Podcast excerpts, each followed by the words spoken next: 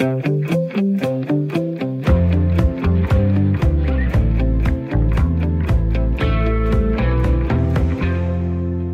nye år er for alvor sat i gang, og med det en øh, decideret supermarkedskrig, kampen om dagligvarekunder på nettet. Og på det store politiske plan, så har danske virksomheder fået meget bedre muligheder for at gå ind i Kina, efter der er lavet en gigantisk investeringsaftale med EU. Eller hvor gode de muligheder nu også bliver, det taler vi om senere. Velkommen til Selskabet på Radio 4, programmet, hvor vi går tæt på ugens store erhvervshistorie med hjælp fra et par af dem, der kender erhvervslivet indefra. Og hvor øh, vi i dag også skal tale en smule om blomsterkunder og blomsterkummer og parkeringspladser. Så fik I nemlig lige øh, sådan en teaser. Jeg hedder Mi Rasmussen, jeg er journalist og selvstændig kommunikationsrådgiver, og Jens Christian Hansen, du er her selvfølgelig også. Du er journalist og mangeårig erhvervskommentator. Velkommen til endnu en gang. Ja, tak skal du have. Og øh, med på telefon og anden form for elektronik har vi øh, ugens panelgæster. Velkommen til øh, Frederik Schmidt. Tak. Jo, der er hul igennem. Du er CEO og stifter af Rock'emore Shoes. Du har gjort det til en god forretning, at øh, folk ikke får ondt i fødderne af at gå i især højhælede sko. Øh, og på mm. den anden linje, øh, Henrik Stenmann, velkommen til dig. Jo, tak. Du er stifter og CEO i det digitale bureau i IH Nordic, og du har gjort det til en god forretning at drive altså et digitalt bureau, men særligt også det at have en fire-dages arbejdsuge. Inden vi går ombord i dagens debatter, Jens Christian, vi skal have et øh, nyhedsoverblik. Hvad er der sket i, i, i den forgangne uge? Ja, det skal vi nemlig, og øh, året er skudt i gang. Øh, året er skudt i gang med fuld skrue. 2021 bliver et vildt år. Hvis vi tror, at 2020 var et vildt år, så bliver 2021 også et vildt år. Jamen altså, vi skal lige forbi SAS her i første omgang, fordi øh, der er det netop kommet frem, at topchefen igennem 10 år, Richard Gustafsson, har fået øh, et andet job øh, op i Sverige, so to speak. Øh, og han stopper nu i SAS efter 10 år. Øh, Richard Gustafsson, han har været det faste anker, kan du sige, i et SAS, som har været i næsten uafbrudt krise igennem de sidste 10-12 år. Ikke bare coronakrise, men en generel øh, krise igennem mange, mange, mange år. Og nu stopper så øh, det anker øh, i SAS, og de skal udfinde en ny en. Det, øh, det, bliver, lidt, øh, det bliver lidt spændende. Mm. Det er hvad, han, et rimelig han, hårdt job. Og hvad skal han være? I han, for? Jamen, han skal være direktør i en stor svensk uh, industrivirksomhed, som, uh, industrivirksomhed, som hedder SKF de svenskere har jo Dem nogle af de der... nej, altså det er sådan en meget uh, tung, uh, altså fra en tung industri, ja. uh, meget stor virksomhed uh, i Sverige. De har jo mange af disse, disse meget tunge virksomheder. Ja. Richard Gustafsson, han har været i headhunternes søgelys i mange år, fordi han har en god kombination. Han har ro, han er dygtig, han har finansiel baggrund, han var tidligere topchef i Kodan, det store forsikringsselskab, og nu i et hvad skal man sige, et service-selskab, øh, øh, mm. meget udfordret, øh, som SAS har været. Ja. Øh, noget af det, jeg tænkte lige at høre dig om, det er, at jeg så også, at, øh, at det, øh, kommunikationschefen i Lufthavnen, var det ham, der også fik nyt job i denne her uge, eller var det kommunikationschefen i SAS? Det kan jeg faktisk ikke Nej, rigtig det var, huske. det var en kommunikationschef i Københavns Lufthavn, ja. øh, Kenny Lett. Og nu, øh, han er jo ikke, altså han er jo ikke topchef, men dog alligevel fik jeg tanken, øh, når så det her med Richard Gustafsson kom oveni. Altså, risikerer man at få sådan en vidensflugt fra kriseramte virksomheder i den her tid? Ej, det tror jeg ikke. Altså, øh, man kan selvfølgelig sige, hvor vil man helst være, hvis du kan frit vælge på alle hylder. Øh, jamen, jeg tror godt nok, øh, nogen øh, de bliver sådan øh, lidt øh, piger af den der udfordring, også som det er. ja. øh, både de to steder her i SAS og Københavns Lufthavn, som i den grad begge to er udfordret. Så er der en del, der også godt kan lide et sted, hvor der er lidt krise på, på dreng. Ja, og så skal ja. vi lige forbi en rigtig god nyhed, sådan hvis vi kigger med historiske danske briller. Mm. Bang Olufsen, vores kære gamle øh, virksomhed derovre i Struer, kom pludselig ud med en opjustering af deres resultat her. De har skævt regnskabsår, men det var et kvartal, som havde været bedre end beregnet. De begynder at tjene penge. Og, og det er det jo nærmest helt... breaking news i BRO-sammenhæng. Det er breaking news. altså, jeg har fulgt dem hver for de sidste 15-20 år, og uh, de sidste 10-15 år har de også været konstant i krise. Og jeg har ikke troet, de kunne overleve ved egen kraft. Den, internationalt set er det en meget lille virksomhed, og de skal jo ud og, og øh, have distributionskraft og udviklingskraft til at kunne konkurrere med de store. Men de har åbenbart formået at gå ind på nogle nischer og finde nogle nye produkter, typisk til unge mennesker, øh, som øh, har givet på det, og så har de fokuseret, har indtryk af, mere på deres forretnings... Øh, øh, øh, øh led. Ja. Så, og det er øh, det, du har talt om før, at de er gode til sådan de der lækre hoved, hovedtelefoner ja, og sådan nogle ting, som, som man godt kan lide at tage billeder af sig selv af, med til, til sociale medier, mere end, end, hvad skal man sige, højtalere og anlæg ja, og sådan noget fjernsyn, ja. som var stort før i tiden. Men jeg vil sige, det er lang vej hjem endnu for ja. uh, Bang Olufsen, så vi kommer sikkert til at snakke om dem uh, flere gange her, fordi uh, jeg tror stadigvæk, de får svært ved at overleve som selvstændig virksomhed. Mm. Det må jeg sige. Mm. Og Mie, så skal vi lige have en uh, sidste ting fra fra den politiske verden. Ja. Altså Simon Kollerup, øh, vores erhvervsminister, måtte jo trække stikket på grund af stress, ja. øh, mavesår, hvad det nu var, øh, og han meldte sig ud, i hvert fald i en periode på nogle uger, øh, og hans job er overtaget af øh, Dan Jørgensen, klimaministeren, og det er jo ikke den eneste på Christiansborg, der ligesom trækker stikket. Vi har tidligere set Ida Augen, og vi har også set andre, og også her for nylig kom øh, top, øh, hvad hedder det, formand for Liberale Alliance, Alex Vandopslag, som øh, jeg har forstået også har trukket stikket. Mm. Altså, vi er godt nok hårde ved vores politikere. Vi kræver meget af den. Politik i dag, det er ikke et job sådan 7, 8, 9, 10, 11, 12 timer. Det er simpelthen 24 og timer. Slet ikke, når man er sociale... oven i coronakrisen. Ja, ja, de sociale medier kører for fuld skrue, og mm. man kan sige sådan, jo, jo, men øh, regeringen kører videre, men lige netop her, er det et problem, at en erhvervsminister er ude af, af, af, af hvad skal man sige, er ude. Der har hele Mink-sagen, som skal forhandles på plads, mm. og vi har hele oplukningen, genoplukningen forhåbentlig, uh, er Simon Kollerup så tilbage og kan, uh, og kan være med til det, fordi det vil jo skubbe lidt, uh, det vil skubbe lidt tingene, hvis, hvis, det, hvis det ikke kører normalt mm. i ministerierne, i så hårdt presset ministerier. Ja. Det var det. Og så skal vi til det. 2021 er kun ganske få dage gammelt, og der er altså allerede blevet sparket gang i en egentlig, hvad skal man sige, online krig på dagligvarer i Danmark. Salling Group har meldt ud, at man åbner onlinehandel på Føtex.dk allerede nu her i januar. Det talte vi også om i sidste uge. Og i denne her uge så offentliggjorde nemlig.com, at man sammen med øh, investor Anders Holk Poulsen, det er ham fra bestseller, øh, lægger et 60 millionbeløb i en, et kæmpestort logistikcenter i det jyske. Og dermed så kommer nemlig.com til at udvide sin leverancer til at dække hele Jylland, og dermed også stort set hele landet. Øh, Jens Christian, vi skal selvfølgelig også have Frederikke og Henrik ind i denne her snak, men, øh, men øh, nu vil jeg lige først sige til dig noget, som måske kan provokere, men altså internettet har jo været her en del år. Hvorfor starter den her krig nu? Jamen, jeg tror, det er flere, det er flere grunde til det. Selvfølgelig er det på grund af, af corona, og en masse har, har øh, synes, det er meget lettere, og typisk og børnefamilie, kan vi lige vende tilbage til. Men det er også noget med, at Danmark er tæt pakket med supermarkeder, altså fysiske supermarkeder. Det er så let at købe ind øh, i Danmark. Øh, jeg tror, det er det, øh, øh, altså det er det, der har flest øh, supermarkeder på indbyggere i hele Europa. I hele, ja. uh, så, så der er øh, selvfølgelig flere grunde til, men det er blevet skubbet på selvfølgelig af, af øh, coronakrisen. Det er, ja. det, ingen, det er det ingen tvivl om. Mm. Øh, Henrik og Frederikke, måske skal vi lige starte med at høre jer ad. Køber I jeres dagligvarer på nettet? Ja. Henrik, vil starte? lad os, så Henrik råber højt, så lad os starte med dig, Henrik. Ja. det er lidt svært, når man ikke kan se hinanden, men øh, ja. Det, det vil være utopi andet, hvis jeg ikke gjorde. Men ja, ja det gør jeg. Ja. Og hvad, hvad er det, der, der er afgørende for, at, at du lægger dine køb på nettet, i stedet for at, øh, at gå ned i supermarkedet?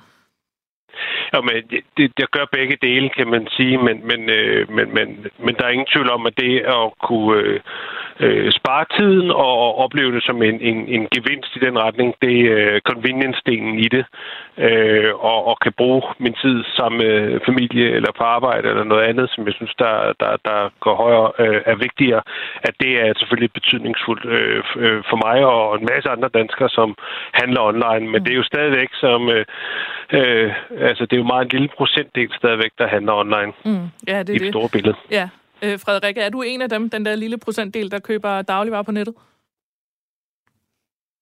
Men faktisk kun i, øh, i den forbindelse, hvor det føles lidt som sådan en, en luksusoplevelse eller en gave. Så jeg køber, øh, jeg har for eksempel helt forelsket i konceptet fra Freshland, hvor man kan få øh, frugt og grøntsager direkte fra øh, små producenter rundt omkring i Europa mm. og leveret til din dør. Eller øh, jeg køber også fisk fra fiskekasser. Og sådan. Det der, der er lidt mere lækkert, det vil jeg gerne have leveret hjem til mig. Men det, som er sådan lidt dagligdags og nettoagtigt, der, øh, der gør jeg det egentlig altid selv, fordi det alligevel er på vejen hjem, og jeg ved, hvad jeg vil have, og jeg bliver så irriteret, hvis ikke jeg får det, jeg gerne vil have, og det er bare det, det er meget, meget lettere for mig at gøre det selv. øh, Nemlig.coms direktør Stefan Plenge, han siger, at der er en adfærdsændring i gang i køb af dagligvarer, og at vi de næste år kommer til at se et paradigmeskifte i det her marked. Er I enige i det? Ja, helt sikkert. Jeg tror øh, absolut kun, det her er et marked, der vækster. Men jeg er ikke nødvendigvis enig i, at det her er det bedste tidspunkt at, at rulle de store overtagelsesplaner ud, fordi jeg synes, jeg oplever rigtig meget i min vennekreds, at folk bruger deres uh, lokale supermarked som den ene ting, de har lov at gøre stadigvæk, fordi de arbejder hjemme. Så det er nærmest næsten blevet til, ja, det er sådan et treat. Noget, nej, der, der, er ikke nogen, der skal købe ind for mig, for jeg må jo intet andet, så jeg skal i hvert fald nok selv købe ind. Dagligdagens luksus, når man kan få lov til at gå i netto. ja, det er helt åndssvagt, ikke? Men det er bare en trend, altså, at det gør man meget selv nu. Ja. Og hvad med dig, Henrik? Altså, du er jo øh, du er en online-nørd, så, øh, så jeg tænker, at du jo nikker genkendende til, at der er et paradigmeskifte på vej her, eller hvad? Jamen, der er et, der er et paradigmeskifte på vej, og det handler jo ikke kun øh, om hvad en selv egen opfattelse, fordi hvis man kigger lidt på, dengang øh, SARS var i udbrud, øh, der var det jo meget Asien og herunder Sydkorea, der var, var ramt. Og, og, og der var det interessant at se, at der var 2-3 procent, der handlede dagligvarer øh, regelmæssigt online, før SARS gik i udbrud. Øh, da SARS så kom, øh, så, og, og så steg tallet til 14 procent. Øh, og det har faktisk været vedvarende sidenhen. At, I, i de øh, asiatiske at lande, hvor, hvor SARS var i udbrud? Ja, mm. og, og, og, og, øh, og der er det jo interessant at sige, der holdt man faktisk fast ved den vane. Øh, øh, SARS øh, øh, var selvfølgelig alvorlig, også for det var øh, også dødelig. Øh, men jeg tør slet ikke at tænke på, hvad, hvad for en adfærdsændring, der kommer nu på grund af corona, som har været verdensomspændende. Så hvis vi ser nogle af de samme tendenser, så vil jeg også øh, udenbart vurdere, at vi vil se en varig adfærds, øh, øh, adfærdsændring øh, mm. i online-delen. Mm. Øh, jeg vil også lige spørge dig, øh, Henrik. Du var jo faktisk, har vi også talt om tidligere her i programmet, for mange, mange år siden, inden der var overhovedet var noget, der hed nemlig.com i Stefan Plenges verden. Der var du faktisk sammen med Stefan Plenge øh, øh, ja. initiativtagerne til et firma, hvor I, hvor I forsøgte jer sådan i meget mindre skala med online dagligvarehandel. Altså, øh, hvordan sidder du og kigger på det her nu? Sidder du og ærger over, at du ikke, ikke sparkede mere til det dengang, eller hvordan? Nej, jeg sidder, jeg sidder egentlig enig og, og, og, og, og, og, og bliver lidt overrasket over, hvor lang tid det tager at ændre nogle vaner. Mm. Det er tilbage i 1999. Det lå godt nok på sidste pladsen, at det danskerne ville købe online, det var dagligvarer øh, dengang. Øh, men der er alligevel, det er alligevel en lang rejse for at ændre øh, nogle helt basale vaner. Og vi er stadigvæk nødt til at kigge på øh, øh det daglig, øh, dagligvaremarked, som udgør øh, øh, over 100 milliarder, øh, at hvor stor del er der stadigvæk kun online, og der er det lidt ligesom øh, øh, lidt som vi har set Tesla, at de var størst på elbilmarkedet, øh, øh, men, men bestemt ikke størst på, på sådan generelt på bilbranchen. Og det er nok også det, vi ser online. Jamen, der er nemlig øh, klart de største online, øh, men bestemt ikke, når vi tager hele dagligvarerbranchen i, i, i, i særdeleshed. Nej, jeg tror, vi stadigvæk vi er nede omkring de der under 5 procent af det samlede, øh, det samlede marked. Ikke? Jens Christian, du havde en kommentar her. Ja, men altså, øh, jeg ved, øh, jeg tror, jeg vil sige lidt imod, øh, i, i, i, så selvfølgelig vil, vil vil online øh, øh, handlen for dagligvarer jo stige markant, men det kommer jo også fra ingenting, øh, som, øh, som vi har været inde på. Øh, jeg tror da, at... Øh, Ja, altså mange af os, Frederikke, du var lidt inde på det der, vi vil jo godt ud og møde nogle mennesker, om det så er i supermarked. Men altså, jeg kan da godt se nogle steder med børnefamilier og sådan men nu har jeg ikke børnefamilie. Jeg har da, altså jeg havde min kone den anden dag, hun sagde, skal vi ikke gå ind på nemlig.com og, og bestille nogle varer? Nej, for pokker, jeg vil ned og handle. Altså, sådan ved jeg ikke, om det bliver fremover, men det er der... Altså, jeg tror måske ikke, at det kommer så voldsom en stigning, øh, som mange går hen og tror. Altså sådan en eksplosionsagtig stigning, og vi kan måske vende tilbage til det, når vi skal ind på, øh, på, øh, på Salling og Per Bank der, fordi øh, de investerer jo stadigvæk i fysiske butikker, øh, så, øh, så jeg er måske ikke sådan helt med på den der eksplosion i onlinehandlen her. Nej. Øh, hvad, hvad, hvad siger I? Altså, hvor stort kan det her marked egentlig blive? Altså, jeg tror, det handler rigtig meget om, hvordan vi i tale sætter det. Fordi jeg kan se, øh, nu hvor øh, mine butikker er lukket, og vi jo så kun har online-handel, der er ret meget øh, værdi, der går tabt i, at folk har en forudtagethed om forud det er et svært ord. Øh, mener, tak. Ja. Øh, om hvordan øh, shopping online er, og øh, helt specifikt, hvordan fragt er. Og, og det der med, at vi skal diskutere, hvornår jeg er hjemme, og hvornår du kan komme, og så kom du, og så var jeg hjemme, og du lød, som om jeg ikke var det alligevel, og så skulle jeg ned i en pakkeboks og sådan noget. Det bliver direkte overført til at købe dagligvarer online, og frugt og så videre. Så det er noget med, at hvis man kan ændre fortællingen om, hvor let det er, eller få folk til vidderligt at forstå, at det her er lettere, end at gå ned i det supermarked. Du kører alligevel forbi en 3-4 supermarkeder på vej hjem. Så det convenience mm. for den enkelte mm. forbruger ligger jo lidt i, at det faktisk er lettere lige at gå ind der, end det er at gå hjem og battle med nogen på et eller andet teknisk platform om, hvornår jeg er hjemme og ikke er hjemme. Ja, det tror jeg, du har ret i. At der også er noget, ja, øh, noget convenience i det. Hvad siger du, Henrik? Nå, men altså, da, sidst da vi var i, i, i radioen sammen, Rikke, der, der mm. fløj jeg hjem og fik øh, købt nogle sko til min, min bedre halvdel. og det var da en, en super god oplevelse. Øh, faktisk øh, super fedt med den levering, hvor at øh, man får en sms, tak. noget på vej, og kan track det osv. Det var da noget af det mest tjekkede, jeg længe havde øh, set. Så jeg, der synes jeg, der Øh, I den grad, jeg havde en, en, en super positiv oplevelse. Professionelt, hurtigt og alle de der ting og sager. Øh, tak. Men så, bare for lige at byde øh, ind i den, Henrik, der ved du så, at der kommer en cykel, der afleverer dine sko, og hvis du vil have dem returneret, så booker du cyklen til at komme dagen efter. Bare et eksempel på det. Ikke? Vi har haft den service i et år, og den er fabelagtig, og det er en af grundene til, at jeg elsker online shopping, fordi det er let. Men to ud af tre kunder, der skriver til vores kundeservice, de skriver, fordi de vil gerne have printet en returlabel. Det er der med, at vi sidder simpelthen så fast i, der er nogen, der har fortalt os, at vi skal have en returlabel for at kunne aflevere vores sko tilbage. Mm. Eller, så det ved de stadigvæk, ikke? Og det har taget mig et år, og de har stadigvæk ikke lært det. Så jeg tror bare, at det her det er et langt stræk, før vi ligesom får uddannet folk i, hvordan man så gør det lettest muligt. Ja, altså noget af det, som jeg også synes, jeg hører fra folk i forhold til at få leveret, som du siger, Frederikke, der er jo mange ting, man kan få leveret dagligvarer derhjemme. Altså frugt og grønt fra Freshland, eller man kan få årstiderne kasser, Skagen Foods. Der er alle mulige forskellige ting, man kan få leveret. Men det er stadigvæk en stor udfordring for folk, der bor i lejligheder, at man skal sørge for, at de også har en nøgle til at kunne komme ja, ind. Det, er, alene der kan det være et bjerg, man skal bestige for at, at lande aftalen, ikke? Ja. Jo, mm. og, og det er jo så det, der gør det så svært online. Øh, det er, at der må faktisk ikke være nogen friktioner. Det, jeg skal ærligt indrømme, at jeg har også øh, været lidt frem og tilbage i forhold til at handle online og ikke online. Øh, fordi hvis der, det er for besværligt, øh, øh, så vil jeg hellere gå ned i et, et supermarked og købe. Øh, og jeg tror, vi vil komme til at se mange forskellige udgaver. Jeg øh, var noget skeptisk ved Nettos, øh, hvor, man, øh, altså, hvor man bare scanner i butikken med sin telefon og scanner varerne.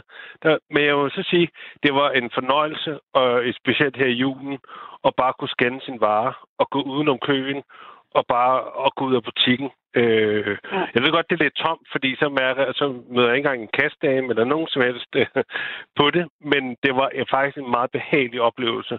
Øh, og, og, så det er også øh, et alternativ til, mm. til mange af de her ting. Det, var, det, det, det synes jeg egentlig fungerede rigtig godt.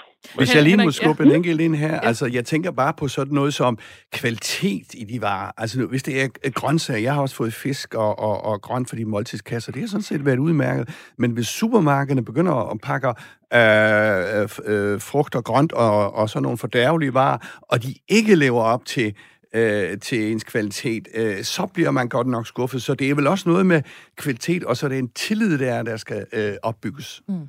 tænker jeg. Helt sikkert. Ja, ja, det er selvfølgelig også vigtigt. Mm. Ja. Noget af det, som, fordi jeg tænkte, vi også vil fortælle os lidt hen i det, øh, Henrik, nu nævnte du også Netto. Øh, det er jo en del af Salling. Salling har Føtex og Bilka og Netto blandt andet. Øh, og nu er det jo så Salling, der siger, at de kommer til at åbne for, for online-handel via Føtex.dk, og som jeg har læst det i første omgang i Københavnsområdet her fra, fra januar måned. Altså, det er jo det er 10 år efter, nemlig .com kom, gik i luften, og Coop.dk har også haft den her ordning i rigtig lang tid. Øh, har Salling ventet for længe på det her? Både og. Hvis jeg skulle prøve at bare at give... Jeg tror også, det er noget med at gå ind på det rette tidspunkt. Mm. Øh, jeg tror ikke, at de har planlagt at gøre det lige nu. Man kan godt se øh, behovet øh, for det. Jeg tror, at det, der er udfordringen, det er, at det, det er en langsigtet investering, som det også har været for nemlig. Øh, og og øh, et er at bare flytte dagligvarehandlen online, hvor det skal være en god oplevelse, levering skal være en god oplevelse, så er det hele logistikken, der, der, der, der, der er det, det skærende punkt her. Man kan så se ud for en bæredygtighed og madspil og andet, der har nemlig den fordel, at de ved præcis, hvad der bliver bestilt. De ved præcis, hvad de får ind af ordre og andet. Så de, har, de kan bestille hele tiden intelligent øh, mm. og, og, og dermed undgå meget øh, mindre madspil i virkeligheden. Altså fordi man undgår øh, hele det der mellemled af, at det skal ud i nogle butikker, og man hele tiden skal regne på, og varer skal fragtes fra A til B. Præcis. Mm. Øh, så, så, så, så øh, og jeg tror også, at bare Selling Group, det er, man må ikke tage fejl af dem, det er super dygtige købmænd øh, på, på det. Og øh, det er jo noget med at finde det rette tidspunkt. Øh, det er jo ikke altid first moveren øh, vinder. Isobest var jo egentlig first mover, som øh, mm. øh, på da havde også de startede. service, ja. Ja, de startede, men de startede jo alt, alt, alt for tidligt, kan man jo sige. Og det har jo så gjort, at da Grofer måske har været bange for at helt taget gå ind i det her online-univers, øh, og har stået lidt på, på, på, eller lidt på bagbenene. Det er den tredje største, kan man sige, øh, angro øh, i forhold til, når du tager øh, mm. Coop og, og, og, hvad hedder det, Selling Group, ikke? Jeg tænker på... Jeg kan bare ikke forstå, Nå, hvorfor vi skal have så mange øh, versioner. Altså, jeg tænker, det er nok lidt sådan religion, det der med, at man handler i, i uh, Føtex eller i Netto. Men hvis man skulle være selling group og gå online med en type virksomhed, en form for virksomhed eller app eller service, som allerede eksisterer i så mange andre mm. supermarkeder, så synes jeg, at man skulle differentiere sig på noget, altså på noget, der er vigtigt for kunderne. Nu ved jeg ikke helt, hvad det er, men umiddelbart vil jeg jo tænke service. Altså, og, og det Henrik sagde før om min levering, der har vi differentieret os på, at vi leverer om aftenen. Så det er en forskel. Kunne man ikke gøre noget af det samme her igen, så kommer vi måske ud over noget af den der kompleksitet ved, at jeg hjemme, er jeg ikke hjemme. Ja. Hvad er det, hvis de altid leverer om aftenen? Ja, fordi altså, noget af det, jeg tænker, andet. er vel også, at de jo i bund og grund alle sammen har de samme varer. Altså, Nemlig. Det, det er jo... Du, du, så jeg er jo ligeglad, om jeg kan få det i Føtex eller i Netto, fordi den eneste grund til, at jeg køber ind i Netto, er, fordi de ligger på vej hjem. Det gør Føtex ikke. Ja. Men hvis det er et online game, så hvad er så fordelen? Mm. Jeg kan godt blive lidt træt af, at de bare alle sammen vil gøre det samme. Hvorfor er der ikke nogen, der tør at tænke nyt og større? Og det er virkelig det, jeg synes, at, at nemlig var så gode til at tænke nyt og at bryde barriere. Øhm, og det synes jeg lidt, de andre mangler. Ja, jeg tror også, øh, hvis man skal smide sådan en kedelig øh, faktor ind her, ja, kom med det. som hedder øh, som hedder kapital. Altså, jeg tror, at øh, selvfølgelig det der first mover, last mover. Altså, hvis du er first mover, så skal du i hvert fald have dybe, dybe, dybe lommer. Uh, og det ser det også ud til, at nemlig .com har langt hen ad vejen, også med Holk Poulsen, som er inde i øh, der. Men man kan bare sige, Salling, hvis de vil, så kan de smide en halv milliard fra den ene dag til den anden. Uh, så jeg tror også, kapital kommer til at være et, uh, et vigtigt uh, aspekt i den her sag. Jeg tror i hvert fald, det bliver svært for nytilkommende øh, øh, uden net og uden øh, et stort fysisk apparat at komme ind på det her marked. Øh, så, så det er nok de bestående, og nemlig .com har jo så været gode til forhåbentlig begynde at tjene penge, øh, små penge, men øh, kapital bliver en afgørende faktor. Mm. Jeg tænkte lige... Ja, det er jeg så ikke enig i. Jeg tænker, hvis du udfordrer status quo, så kan du altså komme ret langt uden nødvendigvis at have dybe lommer. Altså et eksempel er Freshland, et andet er dem, der hedder Grim, som er en helt vildt skøn virksomhed, der kun sælger grimme grøntsager, dem som ingen andre vil have. Jo, jo, og men... Vækster hvor... altså 400 procent. Jo, men Frederikke... Det er spændende. Hvor store bliver det? Nu tænker jeg sådan, altså du har de der klassiske store supermarkeder, der omsætter for 40-50 milliarder om året, og sælger havregryn og øh, øh, mel og øh, toiletruller og hvad ved jeg. Altså, der tror jeg godt nok, at kapital bliver en vigtig. Det må jeg sige. Helt sikkert. Men jeg er enig i, ekstra kapital vigtigt, men i at bryde ind på et marked, der behøver du ikke nødvendigvis at have kæmpe store lommer. Du kunne også have en anden fortælling. Mm. Ja, og det tror jeg, vi er, tror, vi er meget enige om, at, øh, at vi nok er ved at være der nu, hvor der kommer så mange spillere ind på markedet, at vi også risikerer at have mange spillere, der minder rigtig meget om hinanden, gør vi ikke? Jo. Ja. Øhm, jeg tænker egentlig, at det faktisk er... Øh, jeg skulle lige blive enig med mig selv her, men det, er sidste, det bliver sidste ord i, i snakken om, øh, om dagligvarehandel online og den krig, der kommer til at være omkring øh, os som kunder i, øh, i den næste tid. For, for, øh, for god ordens skyld skal vi også lige sige, at der findes mange ordninger, ikke kun nu nævnte vi Coop og nemlig, og, øh, og Selling Group, som også kommer ind på markedet nu. Der er også, Rema har sådan en ordning, hvor man kan få folk til at handle ind for en, og så kommer og aflevere det derhjemme, og, øh, og de små, nogle af de små butikker under Europa har også øh, sådan nogle ordninger, hvor man kan få den lokale købmand til at pakke varerne, og nogle steder også øh, få dem leveret ud. Det bliver i hvert fald spændende at se, hvad der kommer til at ske i øh, den næste tid. Lidt senere skal vi øh, blandt andet faktisk blive lidt ved dagligvarerhandlen, fordi vi skal tale mere om øh, en af dem, der sidder ah, i den absolute top, når det handler om dagligvarerhandel i Danmark.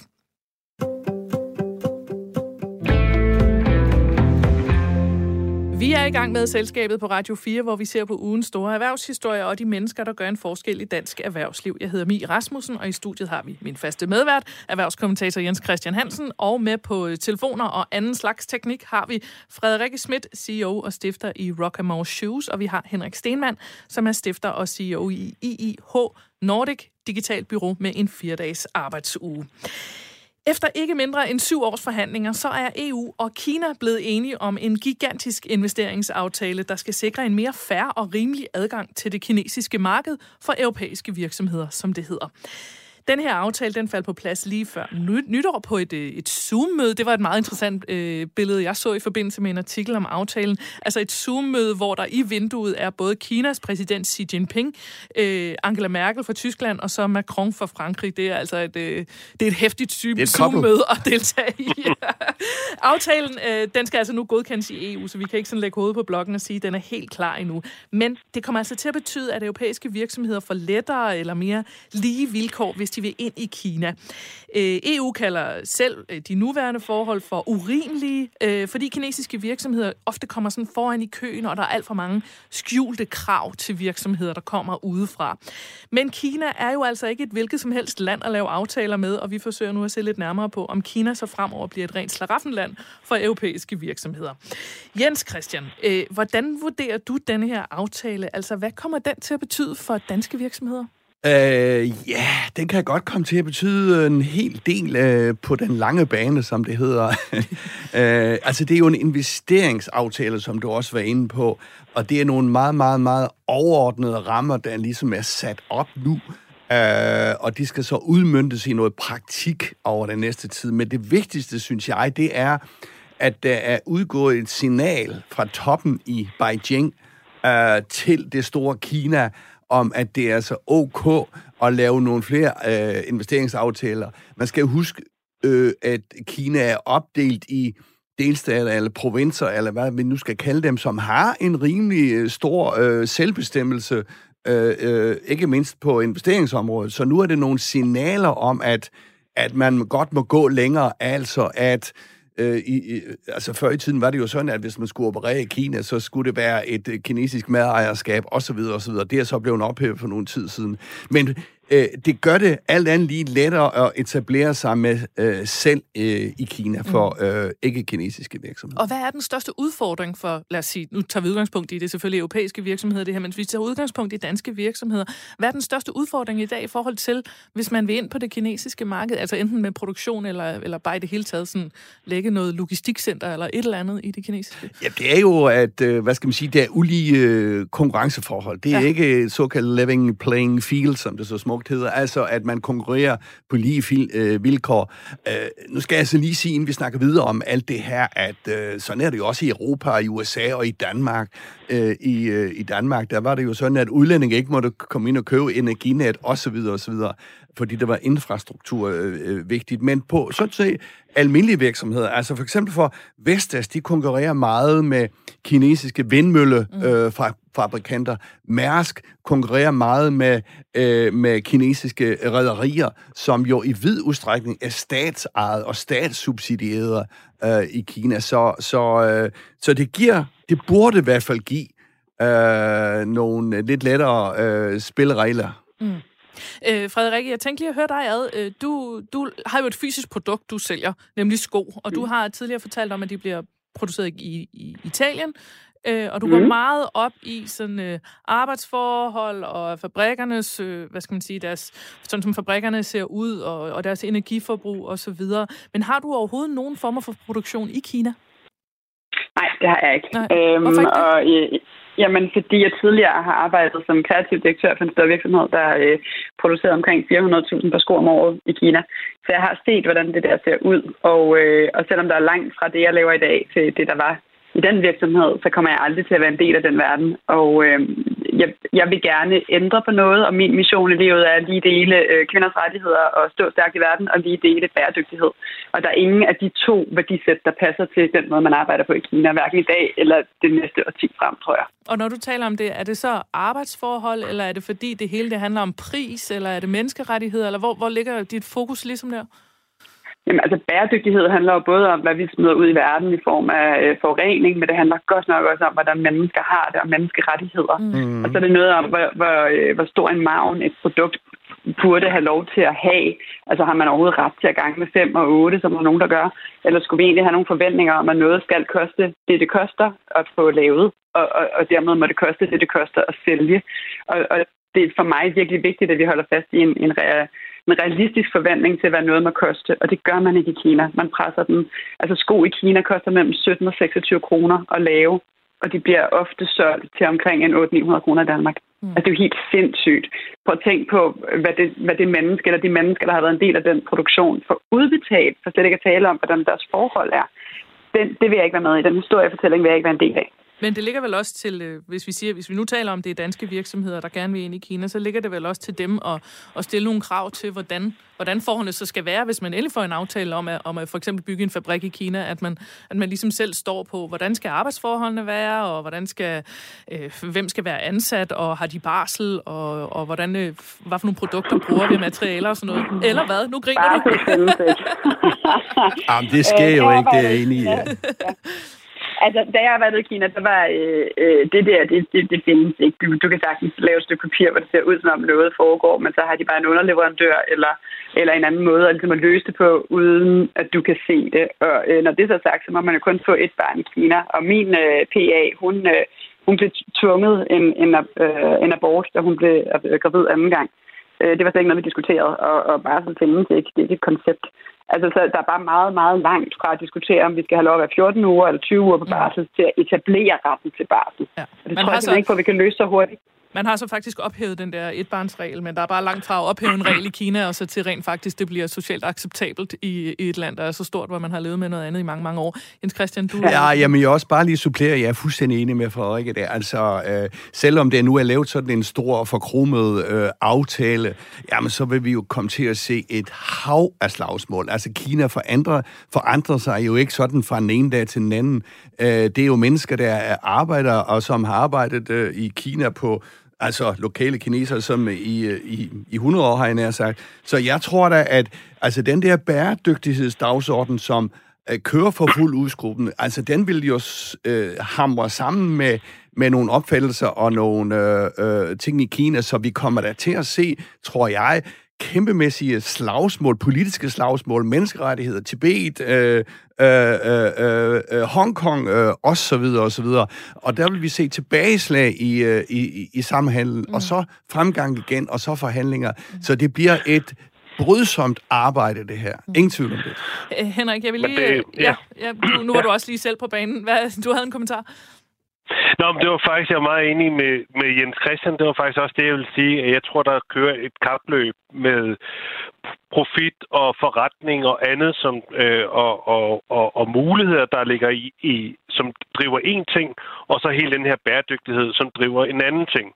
Og lige præcis det tror jeg, at øh, det, det kommer til at være under forskud. Jeg tror og håber på, at man egentlig, øh, som Frederik også taler ind og siger, prøv at høre, det, det er ikke en del, man vil være... Øh, man har ikke lyst til at være en del af det. Øh, og at, at erhvervslivet øh, på nogle områder vil navigere udenom, og på andre måder så vil det være forfriskende at være i øh, Kina, fordi det er så stor en befolkning, og der er så stor købe, øh, købekraft. Men, men det bliver en, en, en balance mellem øh, mellem at gøre det rigtigt og det bæredygtige, og, og kan det nu også være rigtigt, at man kan købe noget på, på Wish til, til 2 kroner og gratis fragt, og hvad ved jeg. Øh, der, der på et eller andet tidspunkt hvor man ligesom stopper op øh, og sige, hvad er det, vi egentlig gerne vil gøre bedst for verden. Og der tror jeg, at den dagsorden er Kina måske ret bevidst om, at den kommer øh, nu her i stor stil. Det tror jeg nu, I har ret i, at det, det, det er de godt bevidst om, men, men det er jo også svært, når de er så stor bare, en magt, de er. Ikke? Altså, man skal jo bare lige huske, man kan ikke, af min pointe, man kan ikke holde sig totalt som kæmpestor virksomhed, bilvirksomhed eller, eller nogle af de store øh, medicinalvirksomheder. Du kan ikke holde dig væk fra Kina.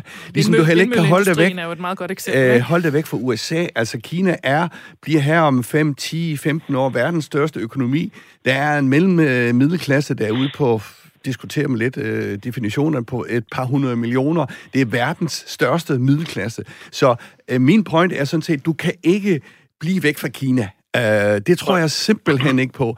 Du øh, kan så arbejde på at presse og presse og presse, og det er det, vi vil se, tror jeg, øh, over de næste mange år. Noget af det, som man jo har det... lavet, indgået i denne her aftale, øh, øh, vil jeg bare lige indsparke, det, det er, at man, man blandt andet har lavet en aftale om, at Kina skal overholde konventioner mod tvangsarbejde. Men der er jo så, nu skal EU-parlamentarikerne til at forhandle det her på plads, og der er jo allerede folk, der siger, at det, det, det er jo ikke noget værd at lave den aftale med Kina, fordi hvem skal kontrollere, at det rent faktisk sker i praksis? Øhm, er det ikke, den, ikke et dilemma, at vi ligesom hele tiden står i det der med, vi vil gerne fra europæisk side have en aftale om noget, der handler om økonomi og noget erhverv, vi vil gerne ind i landet, og på den anden side, så har vi jo også det der, det der med menneskers forhold, som vi hele tiden også synes er meget vigtigt, vi tager ind i de samme forhandlinger. Det er vel et dilemma? Jamen, jeg, jeg synes bare, at, at øh, det er som om, at når man kigger på landene som helhed, så er det som om, at øh, Vietnam og Bangladesh er jo andre lande, vi producerer i, i hvert fald øh, i, i Danmark, og der er mange store brands, der gør. Og øh, der ligger nogle aftaler om, hvordan man skal arbejde med men- menneskerettighedskonventionerne, øh, både i Vietnam og i Bangladesh, men der ligger også nogle forventninger øh, fra landene til virksomhederne om, at de skal være med til at bygge noget. Så det vil sige, at der er mange af de virksomheder, der arbejder i Bangladesh, der rent faktisk bidrager til at bygge et lokalsamfund, til at løfte befolkningen, til at skabe skoler, til at gøre en forskel. Og det føles som om, at den aftale, der ligger nu, nu skal jeg overhovedet ikke kloge mig på det, der står i, jeg synes, det er svært at forstå, men det, jeg kan læse indtil videre, det føles bare som om, at vi tillader Kina at holde deres befolkning fast på et meget, meget lavt punkt. Og at, at vi så bare fortsætter med det. Det lyder bare mere sexet, at de nu samarbejder med Europa, men i virkeligheden er der ikke rigtig noget, der har ændret sig. Så, så det lyder i virkeligheden på dig som om, at hvis vi indgår aftaler, at vi så skal komme med mere end bare vores virksomheder og sige, vi vil rigtig gerne ind i jeres land, men I skal så sige ja til, at vi samtidig også sørger for, at der bliver bygget en by rundt om fabrikken, eller hvad? Jeg synes, vi har en forpligtelse i forhold til de lokalsamfund, vi, vi interagerer med, når vi skal lave virksomhed. Og øh, jeg kan kun se fordelen i forhold til fremtidige forbrugere er så meget mere purpose-driven end dem, der ligger i dag, mm. i at man, man gør noget mere end bare at producere.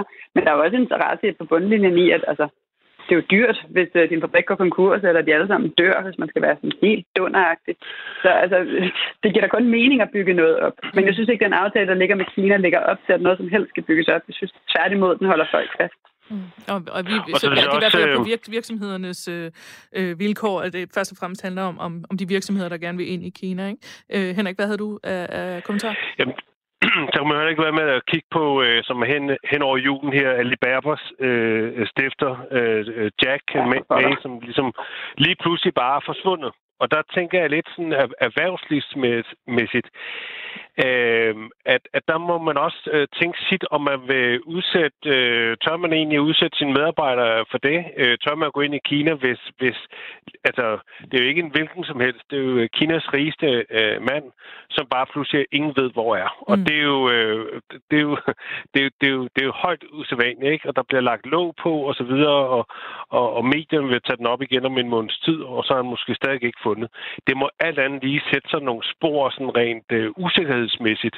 Har man lyst til at drive en virksomhed, hvor potentielt set øh, direktøren kan forsvinde, hvis han lige får sagt noget forkert på et forkert tidspunkt? Mm.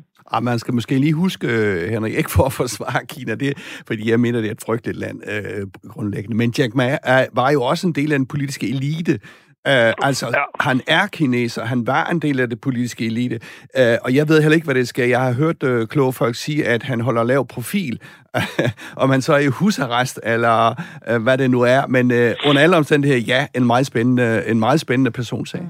Jeg tænkte lige, Jens Christian, til sidst at høre dig, øh, og lægge ned på, på bare, lige, bare lige høre dig ad. Vi har jo også her i programmet af mange omgange talt om den der handelskrig, eller handelskonflikt, der er mellem USA og Kina. Øh, hvad er det her, der kommer fra EU? Forsøger EU sådan at kilde sig ind mellem det, og, og lukrere lidt på, at der er uro mellem de andre to? ja, altså, det kunne man da godt øh, forestille sig. Nu har vi jo haft valg i USA, og det skal vi slet ikke snakke mere om lige nu. Ej, Men det kommer i hvert fald et nyt, øh, en ny præsident, og, øh, og øh, forhåbentlig Uh, altså, hvis man skal sige noget positivt om Trump, og det er godt nok svært, så kan, det sige, så kan man sige, at han lader pres på Kina. Uh, måske ikke på grund af menneskerettigheder, men måske mere med, med ubalancen på, på handelsbalancen. Og det pres vil fortsætte, er helt overbevist med Joe Biden her. Uh, så Øh, jamen, øh, øh, så øh, USA og Kina er i konflikt, og vil være i konflikt.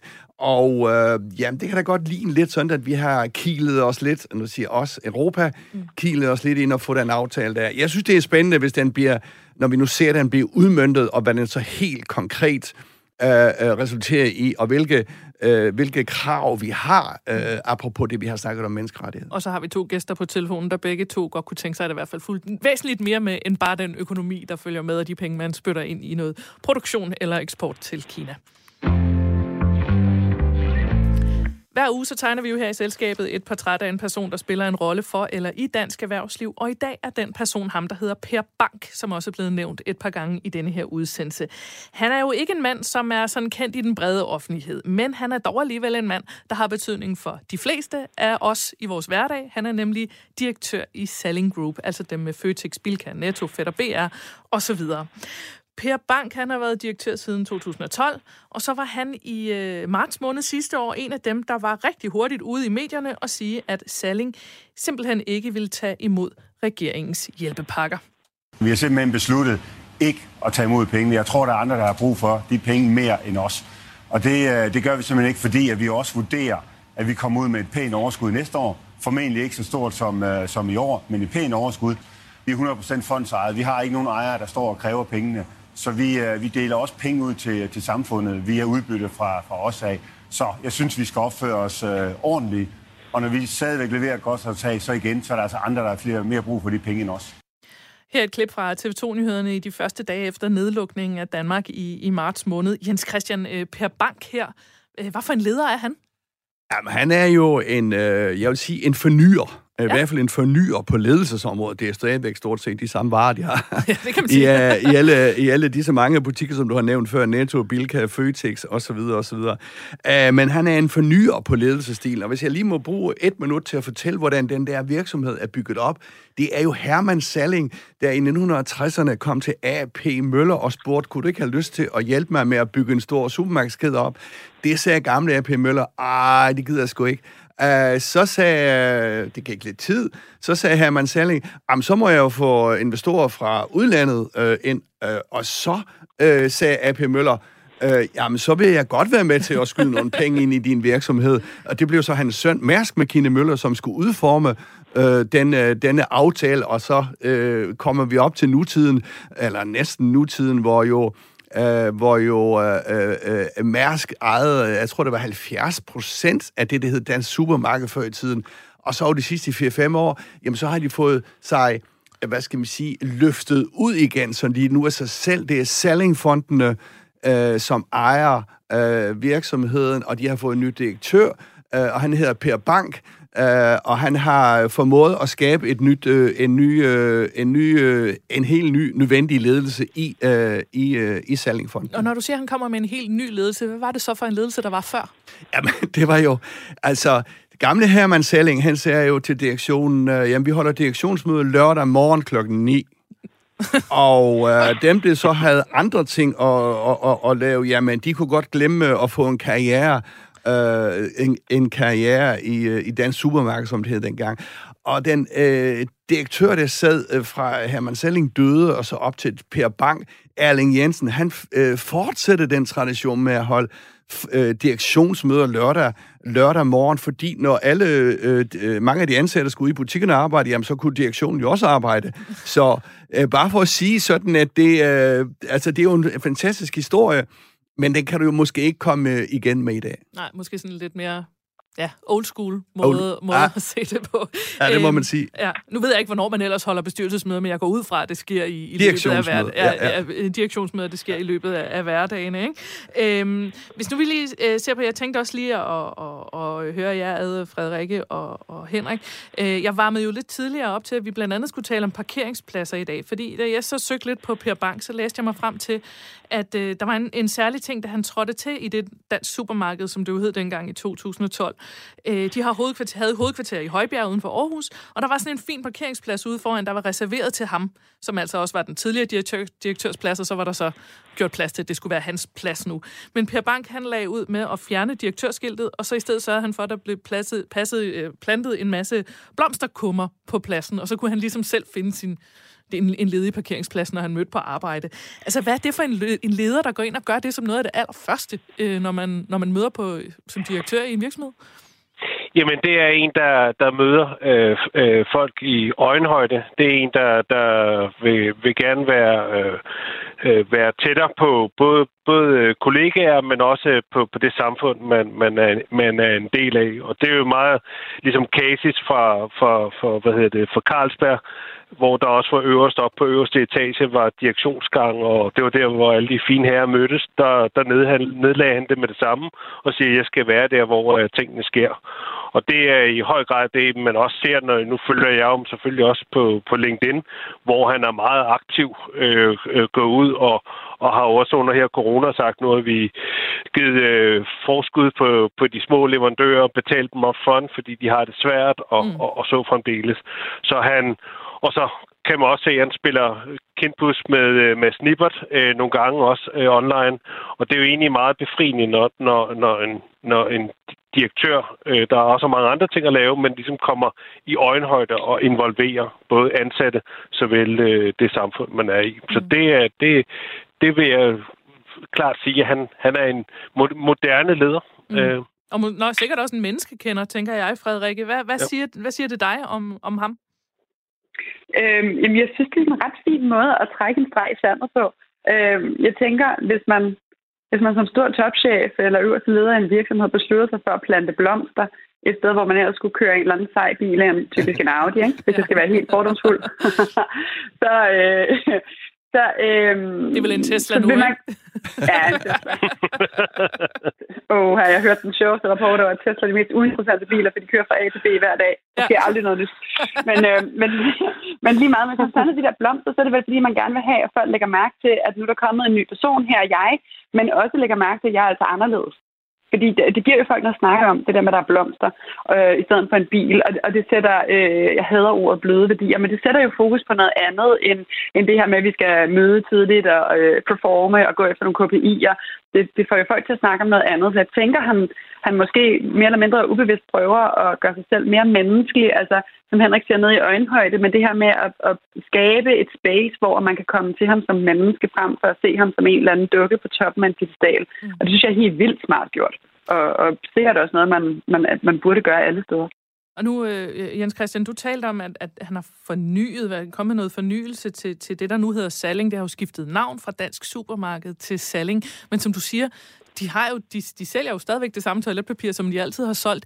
Altså, hvad, hvad er det, der, der, der er nyt ved sådan fortællingen om virksomheden? Ja, men altså, det er jo det der storytelling, som det hed øh, for nogle år siden, man skulle øh, øh, ud og sælge på. Altså, den supermarked... Og det vil jeg sige, det hedder det stadigvæk som kommunikation. Nå, okay, okay, okay, okay. Uh, men altså, den supermarked, det er vel verdens kedeligste navn at, at, at løbe rundt med. Det var heller ikke nogen, der kendte det. De kendte Bilka og Føtex. Det er ikke nogen, der kender den supermarked. Nu er de så ude og lave den fortælling, i stedet for at sende udbytterne og overskud til Mærsk nede på Esplanaden øh, i København. Jamen, så kunne de sende dem til fondene, og så kan fondene uddele penge til idræt, blandt andet øh, kultur og ting. Altså, de bliver en samfundsborger på en anden måde, øh, end tidligere. Det er jo en ren og skær øh, øh, storytelling, mm. så kan du sige, fordi de skal stadigvæk ud og køre benhårdt på at og øh, have en effektiv øh, øh, butikskæde, øh, som, øh, som giver øh, profit ned på bundlinjen. Mm, og... Men det er meget, meget sjovt med Per Bank, hvis jeg lige kan sige det. Han er af uddannelse produktionsingeniør. Altså, hvor kedeligt kan det lige blive? Der er ikke meget musik i en produktionsingeniør. Han har i øvrigt været topchef i Coop. Han har været topchef i uh, Tesco i England, som er en af de helt, helt store engelske kæder.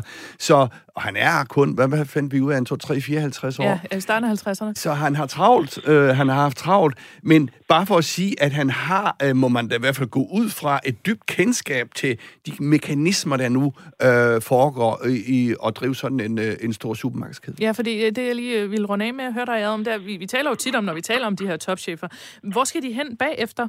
Øh, og tit er det jo sådan, at dem, der sidder på øverst i, på kransekagen, de er jo der omkring, hvad skal man sige, måske slut 50'erne, start 60'erne, og så kan man sige, så bliver de siddende, indtil de går på pension på et tidspunkt. Men når han er 53 år, så er der alligevel en del år at løbe ja. på. Altså, skal han videre til noget andet bagefter, eller hvad tænker du? Det tvivler jeg stærkt på. Altså, jeg bliver meget, meget overrasket. Altså, sådan som han taler om det her, så er han ligesom en del af familien, øh, Salling-enken, øh, som jo øh, øh, af den øverste, hvad skal man sige, i hierarkiet der. Han taler sig meget ind som et familiemedlem her, så jeg vil blive meget overrasket, med mindre de bliver uvenner selvfølgelig, men øh, så vil jeg blive meget overrasket, hvis han skifter til et nyt job. Mm. Og lige kort til sidst, nu kommer der jo så den her online-handel med, øh, med Føtex.dk. Øh, skal det ligesom være hans fjer i hatten i forhold til at, og, øh, og ligesom bevise, at han kan føre Salling et helt nyt sted? Nej, jeg tror kun, det er en mindre del af en hel masse andre ting. De har fået lavet den om, altså de, øh, de har fået lavet den her store omstilling og, og, og købt sig fri osv. Så, videre, og så, videre. så det tror jeg, han har bevist. Ja, det satser vi på. Det er helt, bare... helt kort til sidst, Henrik. Ja, man må bare heller ikke glemme, at, at Selling Group gør det øh, rigtig godt, også online. Og det var jo meget øh, kærkommet, da de også gik ind og købte BR, som en, en dansk ja. klenode øh, egentlig var meget sympatisk øh, gjort, men passer godt i deres strategi. Man, man må ikke tage fejl af Selling Group. Det er nogle af de dygtigste, vi ser online.